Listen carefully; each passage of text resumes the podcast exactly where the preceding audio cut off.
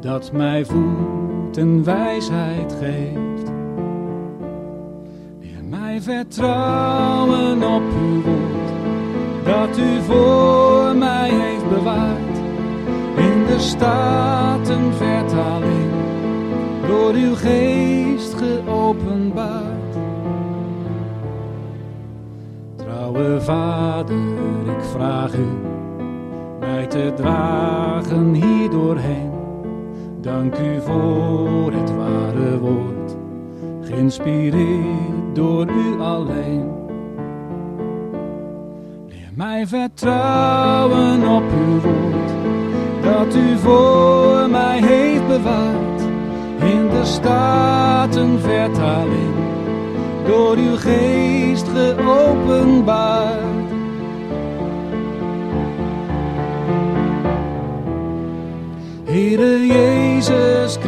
Christus,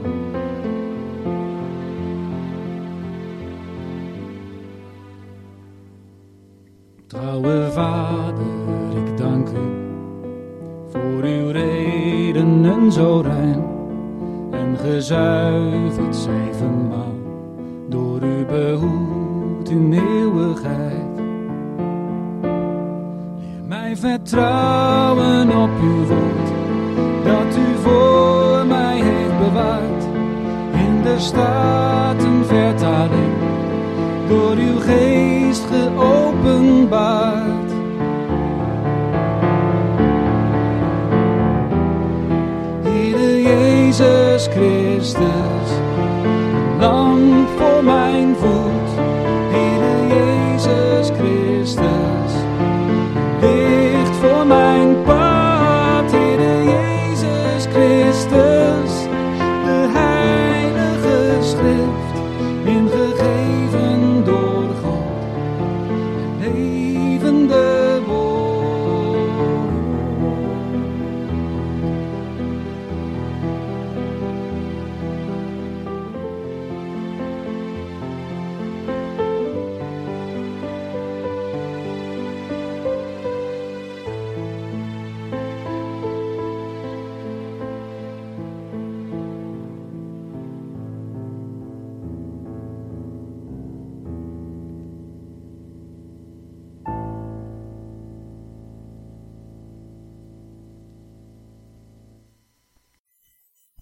Vroeger. We gaan het hebben over het weer. Vroeger hoorde ik wel eens iemand zeggen dat eh, wanneer er een eh, hevige storm of iets dergelijks was geweest, dat dat een eh, oordeel van God zou zijn.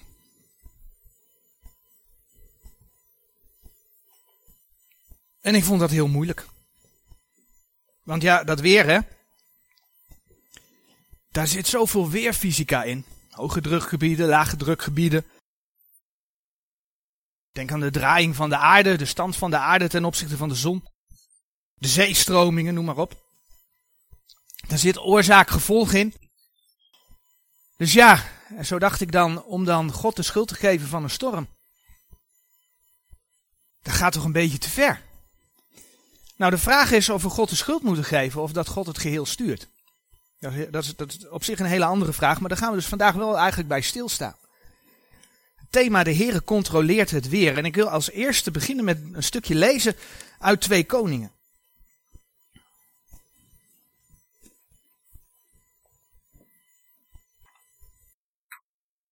Twee Koningen 20.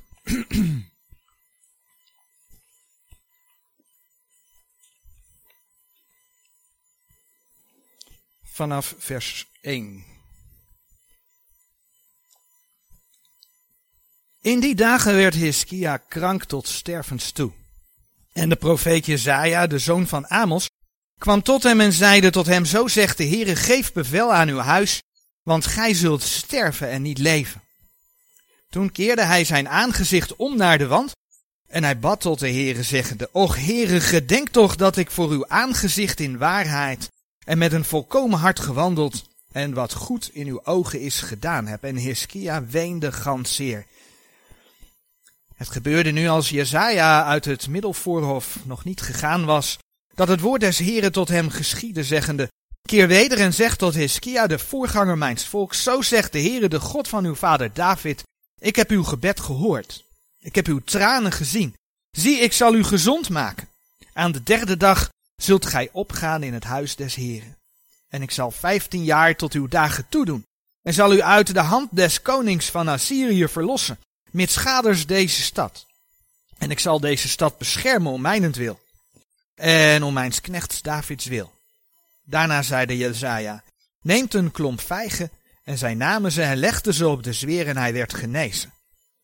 Iskia nu had gezegd tot Jezaja, welk is het teken dat de Heere mij gezond maken zal, en dat ik op de derde dag in des Heere huis zal opgaan? En Jezaja zeide, dit zal u een teken van de Heere zijn, dat de Heere het woord dat hij gesproken heeft doen zal. Zal de schaduw tien graden voorwaarts gaan, of tien graden achterwaarts keren? Toen zeide Jehiskia, het is de schaduw licht tien graden nederwaarts te gaan. Nee, maar dat de schaduw tien graden achterwaarts keren. En Jezaja de profeet riep de Heere aan en hij deed de schaduw tien graden achterwaarts keren in de graden de welke zij nederwaarts gegaan was, in de graden van Agas zonnewijzer. God draait het geheel gewoon even een stukje terug.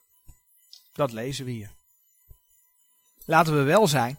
Wie heeft de aarde met de draaiing en de stand ten opzichte van de zon gemaakt? Wie heeft de zeeën geformeerd? Dat is onze God. Hij heeft alles geschapen. Hij weet hoe het in elkaar zit. Ja, en dat wij er dan door wetenschap, hè, een stukje weerfysica, dat wij er dan uh, een beetje aan kunnen rekenen en er wat, wat wetmatigheden uit af kunnen leiden, is dan tot daaraan toe. Maar wie zegt dat de Heer zich aan die wetmatigheden moet blijven houden? God staat daarboven. En de vraag is, al die wetmatigheden die wij bedacht hebben, als mens zijnde, uh, wie zegt dat de Heer zich aan die wetmatigheden moet blijven houden? Werkt alles exact volgens die wetmatigheden? Of is het misschien toch net even anders? Feit is dat de aarde nu gewoon haar rondje om de zon lijkt te draaien. En eens, eens als de Heer gaat ingrijpen, komt ook daar een einde aan.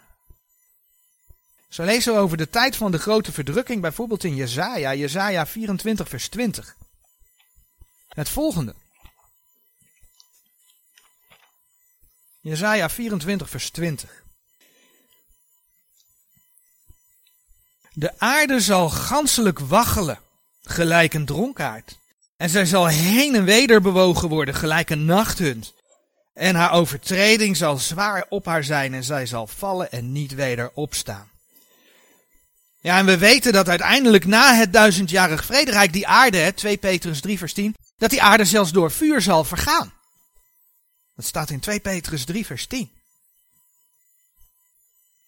En zo heeft de Heere God ook invloed op het weer. Allereerst was hij niet degene die ervoor zorgde dat de schaduw van die zonnewijzer 10 graden achterwaarts ging. Als teken dat koning Hiskia weer beter zou worden, hebben we in 2 Koningen 20 gelezen. Maar zo lees je dat Joshua op een gegeven moment de Heere verzoekt om het draaien van de aarde om de zon en de maan om de aarde om dat te stoppen. En dat is bijna een dag stilgezet door God. Dat lees je in Jozua 10, vers 12, 13 en 14. God kan ingrijpen op dat systeem wat hij zelf gemaakt heeft. De Heere God staat boven de wetmatigheden in de natuur die hij zelf geschapen heeft. Dan bladeren we naar Job. Job 38. Vers 25 tot en met 28.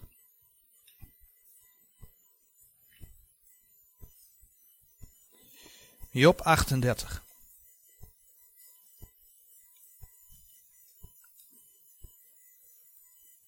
Wie deelt voor de stortregen een waterloop uit en een weg voor het weerlicht der donderen? Om te regenen op het land waar niemand is, op de woestijn waarin geen mens is. Om het woeste en het verwoeste te verzadigen en om het uitspruitsel der grasscheutjes te doen wassen. Heeft de regen een vader of wie baart de druppelen des dauws? De vraag in deze teksten is wie? Wie zorgt voor deze dingen? Nou, aangezien de Heere God Job hier confronteert met zijn almacht, mag duidelijk zijn wie die wie is. Dat is de Heer. Psalm 147. Vers 7 en 8, die zeggen zo mooi. Psalm 147, vers 7 en 8. Zing de Heere bij beurten met dankzegging. Psalm zingt onze God op de harp. Die de hemelen met wolken bedekt. Die voor de aarde regen bereidt. Die het gras op de bergen doet uitspraten. Het is de Heere God die dat alles geeft.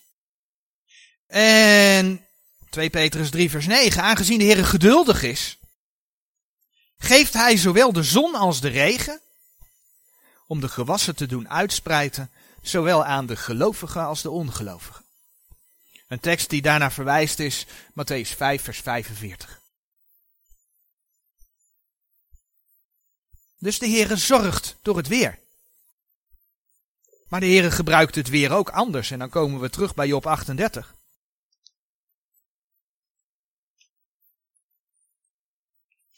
Job 38, vers 8, uh, sorry, vers 22 en 23. En dan lezen we.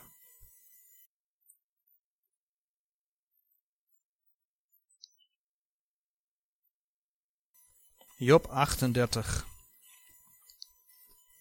vers 22 en 23. Zijt gij gekomen tot de schatkameren der sneeuw? En hebt gij de schatkameren des hagels gezien? Die ik ophouden tot de tijd der benauwdheid, tot de dag des strijds en des oorlogs. Zien we dat de Heer spreekt over schatkamers, schatkamers van hagel en schatkamers van sneeuw. En hij houdt die kamers, die schatkamers, houdt hij op. Hij houdt ze op. Oftewel, de Heere is degene die de sneeuw en de hagel stuurt. Ja, en dan zien we in het verleden bijvoorbeeld dat de Heere hagel gebruikt heeft om Israël een strijd te doen laten winnen. In een slag tegen de koningen van de Amorieten bij Gibeon. Dat lees je in Jozua 10 vers 11. En ja, ook tijdens de grote verdrukking. Zien we dat de Heere hagel gebruikt. Alleen dan niet als instrument om te helpen, maar als instrument van zijn toren. Openbaring 8 vers 7 spreekt erover, openbaring 11 vers 19 spreekt erover, maar laten we openbaring 16 vers 21 lezen als voorbeeld. Openbaring 16 vers 21.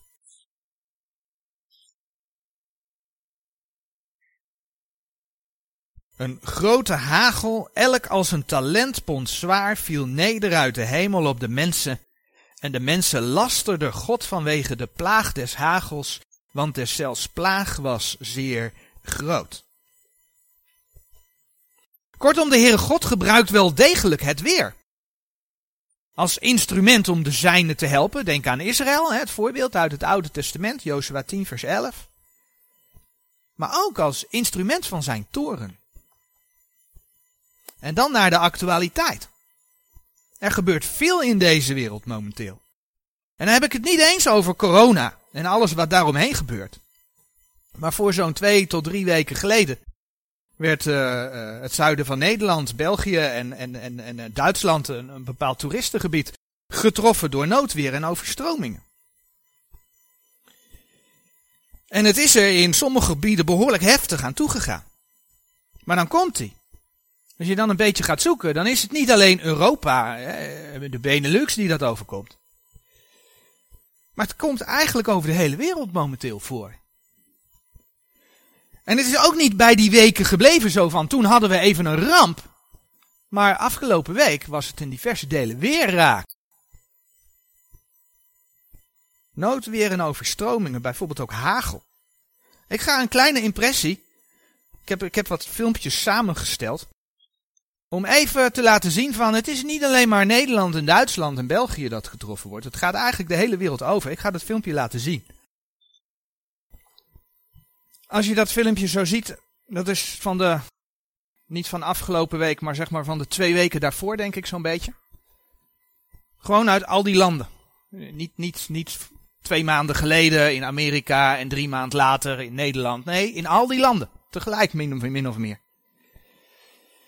En ja, dan zeg je nou weet je, oké, er gebeurde een keer een ramp, maar het houdt niet op. Want de afgelopen week kwam dit allemaal weer binnen. Uh, tropische storm teistert Japan. De Olympische Spelen die zijn daar uh, in, in, uh, in, in, in, het gedrang gekomen. overstromingen in Londen en Zwitserland. er staat, oh, dat is iets te snel. Dat filmpje dat liet net zulke beelden zien als wij zojuist gezien hebben in Zwitserland. Tsunami-waarschuwing naar aanleiding van een zware beving in Alaska. En hier hebben we aardverschuivingen bij het Como-meer in Italië. En nog weer later kwam er van Italië weer zware hagelbuien eh, binnen. Oftewel, het is, er is iets aan de hand met dat weer. Dat is niet normaal. Nou, we zagen al dat de Heer het weer gebruikt om mensen iets duidelijk te maken. Of zijn toren over de aarde te geven. Maar dan komt de vraag, kun je zeggen dat dat nu al gaande is? Dat de Heer dat nu al doet. Want als je het over zijn toren heeft, die gaat komen in de grote verdrukking, dan is dat toekomst. Ik bedoel, de gemeente is er nog. We zijn er nog. We zijn nog steeds op deze aarde. Dus kun je zeggen, hè, voordat wij, eh, voordat die 70ste jaarweek aanbreekt, zal de gemeente zal opgenomen worden. Dus kun je zeggen dat dit wat we nu zien gebeuren, dat dat al, ja, een, een vorm van Gods toren is, die over de aarde gaat. Nou, als de Heer over de tekenen der tijden spreekt in Matthäus 24, dan lezen we daar uh, over aardbevingen, maar niet over, uh, niet over overstromingen. Matthäus 24, vers 6 en 7. Gij zult horen van oorlogen en geruchten van oorlogen. Zie toe, word niet verschrikt, want al die dingen moeten geschieden, maar nog is het einde niet. Want het ene volk zal tegen het andere volk opstaan en het ene koninkrijk tegen het andere koninkrijk. En er zullen zijn hongersnoden en pestilentiën en aardbevingen in verscheidene plaatsen. Het is heel goed om even aan te geven dat dit tekenen zijn van de tweede komst. Hè? Dat zijn tekenen van dit. Want in Matthäus 24 wordt de tweede komst van de Heer Jezus beschreven en niet de opname van de gemeente. Maar de opname van de gemeente is wel zeven jaar daarvoor. Met andere woorden, die tekenen die zitten ergens op die lijn. En als je Matthäus 24 leest, weet je dat dat de aanloop naar is. Dus ja, wij kunnen daar wel degelijk mee te maken krijgen. Maar er staat dus niet over stromingen. Wat het vers wel duidelijk maakt, is dat het niet gaat om nu is een ramp hier en nu is een ramp daar, maar dat het gaat om, om, om dingen die op verscheidene plaatsen plaatsvinden. Dat staat er in dat vers. Er zullen zijn hongersnoden, pestilentiën, aardbevingen in verscheidene plaatsen. Dus tegelijk, op verschillende plaatsen. Maar kunnen dus deze overstromingen een teken van de Heere God zijn, die ook binnen die tekenen der tijden vallen? Nou laten we Amos 1 vers 14 opzoeken. Amos 1 vers 14.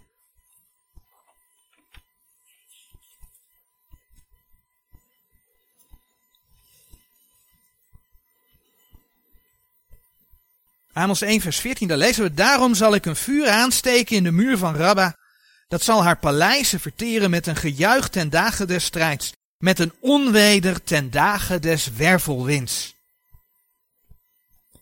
Wat we hier lezen is dat de Heere God dus onweer en wervelwinden ook gebruikt. Nu gaat dit gedeelte heel nadrukkelijk over een van Israëls puurvolken. Maar laten we uh, Jeremia 23 opzoeken. Daar spreekt de Heer algemeen over de goddelozen. Jeremia 23.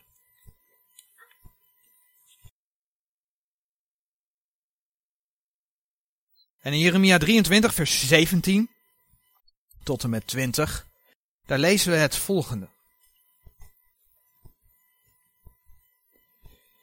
Zij zeggen steeds tot degene die mij lasteren, de Heere heeft het gesproken, gij lieden zult vrede hebben. Het gaat over valse profeten. Gij lieden zult vrede hebben. En tot al wie naar zijns harte goedunken wandelt, zeggen zij, uw lieden zal geen kwaad overkomen. Want wie heeft in des Heren raad gestaan en zijn woord gezien of gehoord? Wie heeft zijn woord aangemerkt en gehoord? Zie een onweder des Heren, een grimmigheid is uitgegaan. Ja, een pijnlijk onweder. Het zal blijven op der goddeloze hoofd. Des Heren toren zal zich niet afwenden totdat hij zal hebben gedaan en totdat hij zal hebben daargesteld de gedachten zijns harten. In het laatste der dagen zult gij met verstand daarop letten. Dat is duidelijk, toch? In het laatste der dagen zult gij met verstand, niet in paniek raken, met verstand daarop letten. Wegens het feit dat mensen niet willen geloven dat Gods toren over de aarde gaat komen, dat valse profeten zeggen dat het allemaal onzin is, dat we de aarde kunnen redden, milieubewegingen, dat we de aarde kunnen redden, en dat we op weg zijn naar een nieuwe wereldorde van vrede, terwijl de mensen doorgaan, want dat lezen we ook in die versen, doorgaan met wandelen in hun wellusten, wat hun eigen hartje ingeeft, zal een onweer, een pijnlijk onweer van de Here uitgaan. Dat hebben we zojuist gelezen. En de mensen wordt aangeraden om het laatste der dagen daar met verstand op te letten. Dus ja, dat geldt helemaal voor de tijd van de grote verdrukking, de 70ste jaarweek en de aanloop daar naartoe. En bedenk dan dat velen de laatste tijd hebben uitgezien naar de vakantieperiode. de maatregelen met betrekking tot corona werden zo'n beetje wereldwijd versoepeld. Velen werden ingeënt. En een deel deed dat toch zeker om die pas te krijgen, zodat ze eindelijk weer konden reizen. Ik bedoel, ik heb die verhalen in ieder geval gehoord, dat heb ik al wel eerder verteld. En laten we wel zijn, vakantie vieren is toch iets van de rijkdom van deze westerse wereld. Dat is toch iets wat bij de wellusten hoort. En velen gaan daarin ook helemaal los. Maar buiten het feit dat we dus merken, hè, dat de, de, de laatste weken, dat het angstzaaien deze zomer weer in volle hevigheid uh, bezig is. Waarschijnlijk ter voorbereiding op wat we dit najaar allemaal gaan, uh, gaan meemaken. Zien we opeens deze zomer deze dingen gebeuren in de natuur. En natuurlijk denken de klimaatfreaks daar een antwoord op te hebben. CO2 en stikstof. Maar men wil niet zien dat de Heere voor deze dingen gewaarschuwd heeft. Let er met het verstand op in het laatste der dagen, want de Heere God gaat ingrijpen. Nou, over CO2 en stikstof gesproken. Gisteren kwam ik een artikel tegen.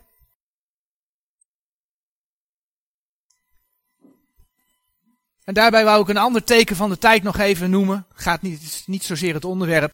Maar Matthäus 24 vers 11 spreekt over. En vele valse profeten zullen opstaan en zullen er vele verleiden. Dat hoort daar ook bij.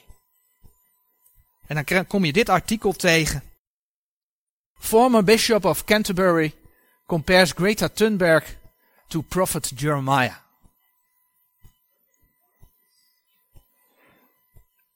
Greta Thunberg, ik weet niet of ik haar naam helemaal goed uitspreek, maar jullie weten vast over wie ik het heb.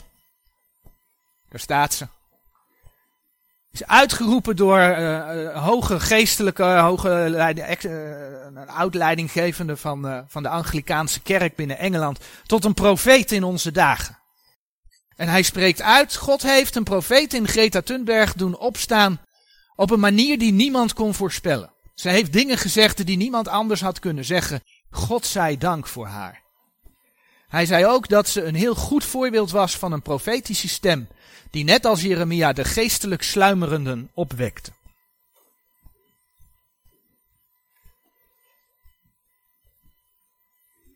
Ja, weet je, ik moest daar meteen aan denken. Ik denk, plaats hem erbij. Dat is de, de club die, die de aarde wil redden. Nieuwe wereldorde. En hier zien we dus hoe de kerk, Anglikaanse kerk, weliswaar iemand die met pensioen is, oké, maar toch een, een hoge oom uit de Anglikaanse kerk, dit mag verkondigen. En ja, dat haalt het nieuws natuurlijk. Want dat wordt het, hè? Milieu, we moeten onze aarde redden. Maar God zegt er andere dingen over. De laatste dagen worden onder andere beschreven, en dan zoeken we Lucas 17 op. En ja, daar heb ik het eerder over gehad, maar dat hoort in dit plaatje. Want we zien gewoon dat dat in deze tijd uh, steeds nadrukkelijker naar de voorgrond komt. Dat de laatste dagen zullen zijn als de dagen van Lot. In Lucas 17, vers 26 lezen we. En gelijk het geschied is in de dagen van Noach, alzo zal het ook zijn in de, in de dagen van de zoon des mensen. En hier gaat het over Noach, maar kijk wat er dan in vers 28 staat. Desgelijks ook gelijk het geschieden in de dagen van Lot. Zij aten, zij dronken, zij kochten, zij verkochten, zij planten, zij bouwden. Het zal zijn als in de dagen van Lot. En wat we van de dagen van Lot weten, is dat daar sodomie was. En kijk hoe de agenda daarvoor er al een tijdje is. Maar zeker het afgelopen jaar met ongekende kracht er overal doorheen gedrukt wordt. Denk aan president Biden in Amerika. En wie hij in zijn regering om zich heen verzamelt. Nou, als je daar naar kijkt, dan rollen de tranen je over de wangen. Niet van het lachen, maar van het verdriet. Zijn hele agenda is sodomie, anti-Israël, pro-abortus en noem het maar op. Nou, dit voorjaar gingen flinke sneeuwstormen over Amerika. En niet in één staat, nee, dat van de ene kust tot de andere kust. Het heeft, uh, het heeft bijna de hele VS geraakt. En ja, deze zomer, een paar maanden later, is precies het omgekeerde.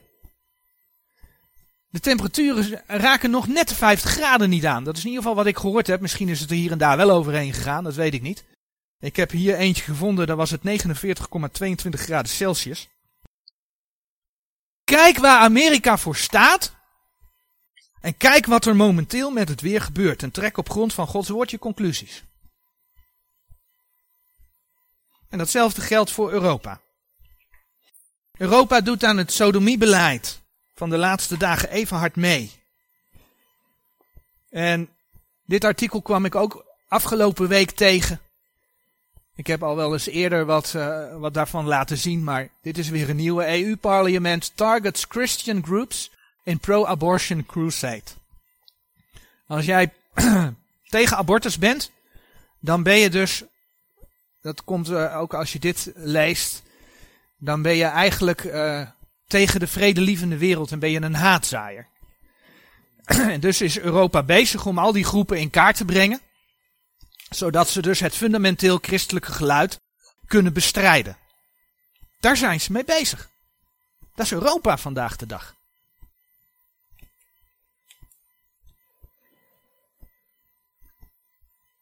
Dus Europa doet daar keihard aan mee en zie wat er in Europa gebeurt.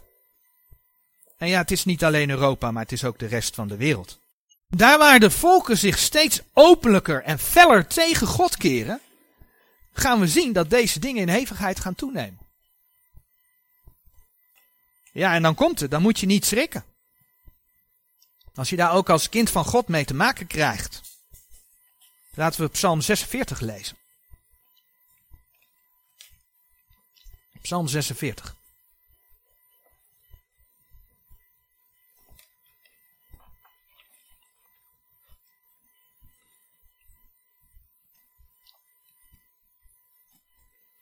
En dan zien jullie nu een voorbeeld hoe je wel degelijk de schrift recht moet snijden. Want dit gaat helemaal niet over de gemeente wat ik nu lees. Maar hoe je daar wel degelijk ook een geestelijke betekenis uit kunt halen. Kijk niet naar de titel die erboven staat, want die is er door mensen tussen gezet. Want dit gaat natuurlijk niet over Gods kerk in eerste instantie, dit gaat over Israël. Het is psalm in het Oude Testament. Een lied op Alamot voor de opperzangmeester onder de kinderen van Korach. God is ons een toevlucht en sterkte, hij is krachtelijk bevonden en hulp in benauwdheden. Daarom zullen wij niet vrezen, al veranderde de aarde haar plaats. En al werden de bergen verzet in, in het hart van de zee. Laat haar wateren bruisen, laat ze beroerd worden, laat de bergen daveren door dezelfde verheffing. Selah. De beekjes der rivier zullen verblijden de stad Gods, het heiligdom der woningen des Allerhoogsten. God is in het midden van haar. Zij zal niet wankelen. God zal haar helpen in het aanbreken van de morgenstond. De heidenen raasten, de koninkrijken bewogen zich, hij verhief zijn stem, de aarde versmolt. De Heere der Heerscharen is met ons. De God Jacobs is een hoog vertrek. Selah. Komt aanschouwt de daden des Heren die verwoestingen op aarde aanricht die de oorlogen doet ophouden tot aan het einde der aarde, de boog verbreekt en de spies aan twee slaat. De wagens met vuur verbrandt. Laat af en weet dat ik God ben. Ik zal verhoogd worden onder de heidenen. Ik zal verhoogd worden op de aarde. De Heere der Heerscharen is met ons. De God Jacobs is ons een hoog vertrek. Selah. Deze psalm gaat natuurlijk over de grote verdrukking. Deze psalm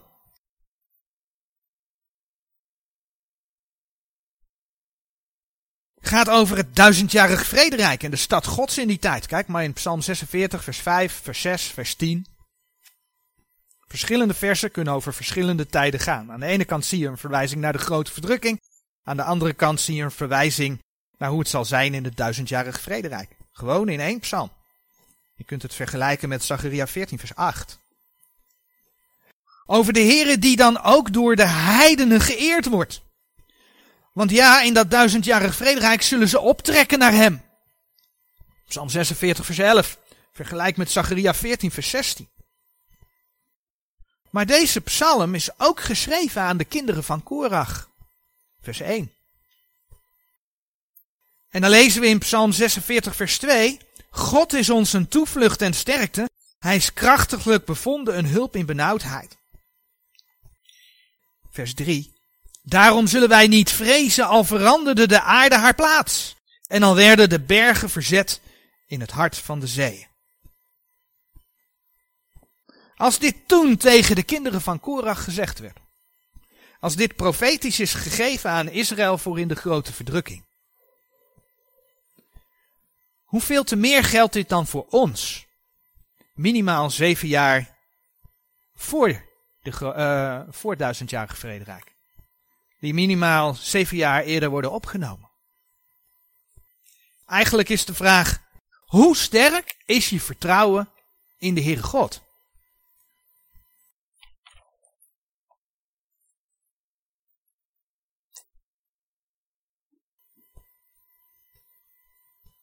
Je bent als kind van God een vreemdeling en bijwoner op deze aarde. Dat is een feit. We horen niet bij deze wereld. Maar tot de Heer je komt halen, ben je wel op deze aarde. Maar je bent bij Hem veilig. Betekent dat je nooit te maken krijgt met noodweer? Waarom niet? Ik bedoel, kan hier een heel mooi verhaaltje gaan ophouden, zodat je vandaag heel vrolijk de deur uitgaat. Zoals veelal gebeurt, om mensen psychologisch weer op te peppen, dan kunnen ze er weer een week tegen. Maar het is niet de realiteit. De realiteit is dat wij dicht bij de opname van de gemeente zitten en dat we dingen op ons af zien komen. Dus hoe sterk is je vertrouwen in de Heere God? In de gebieden die we gezien hebben, daar wonen ongetwijfeld ook kinderen van God. En die overkomt dat ook. Wij moeten proberen om het aardse los te laten en gericht te zijn op het hemelse. En ja, eigenlijk gold dat altijd al. Want we horen niet op de brede weg van de wereld te wandelen. Maar om staande te blijven, en ik heb het niet over verloren gaan of zo. Als je een kind van God bent, ben je een kind van God. Maar om staande te blijven in je geloof. Om staande te blijven in je geloof. Heb je het richting de opname van de gemeente des te harder nodig om je blik op de Here te richten. Want het gaat er hier op aarde niet beter op worden. Het gaat er gewoon niet beter op worden. En je mag de Heer bidden dat Hij je sterkt. Je mag de Heer bidden dat Hij je wapent tegen alles wat er op je af zal komen. of dat nu gebeurtenissen in het weer zijn, of dat nou misschien ook nog een stukje vervolging zal zijn. Denk aan al die wetgeving die Europa aan het voorbereiden is. De jacht op de christelijke groepen. En ik denk dat het goed is om dat te realiseren. Want dan kun je ervoor bidden. Je kunt met de Heer voorbereiden. Je zeggen, Heer, u weet wat wij tegen gaan komen. Help ons, wat er ook gebeurt, om ons vast te houden aan u. Help ons om in uw kracht te gaan. Ik wil afsluiten met het lezen van Filippenzen 1, vers 27 tot en met 23, uh, 29.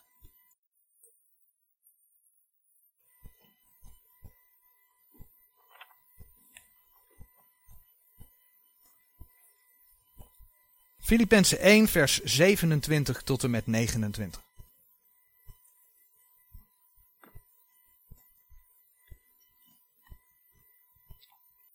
Alleenlijk wandelt waardiglijk het evangelie van Christus, opdat het zij ik kom en u zie. Het zij ik afwezig ben, ik van uw zaken mogen horen dat gij staat in één geest, met één gemoed, gezamenlijk strijdende door het geloof des evangelies. En dat gij in geen ding verschrikt wordt van degenen die tegenstaan.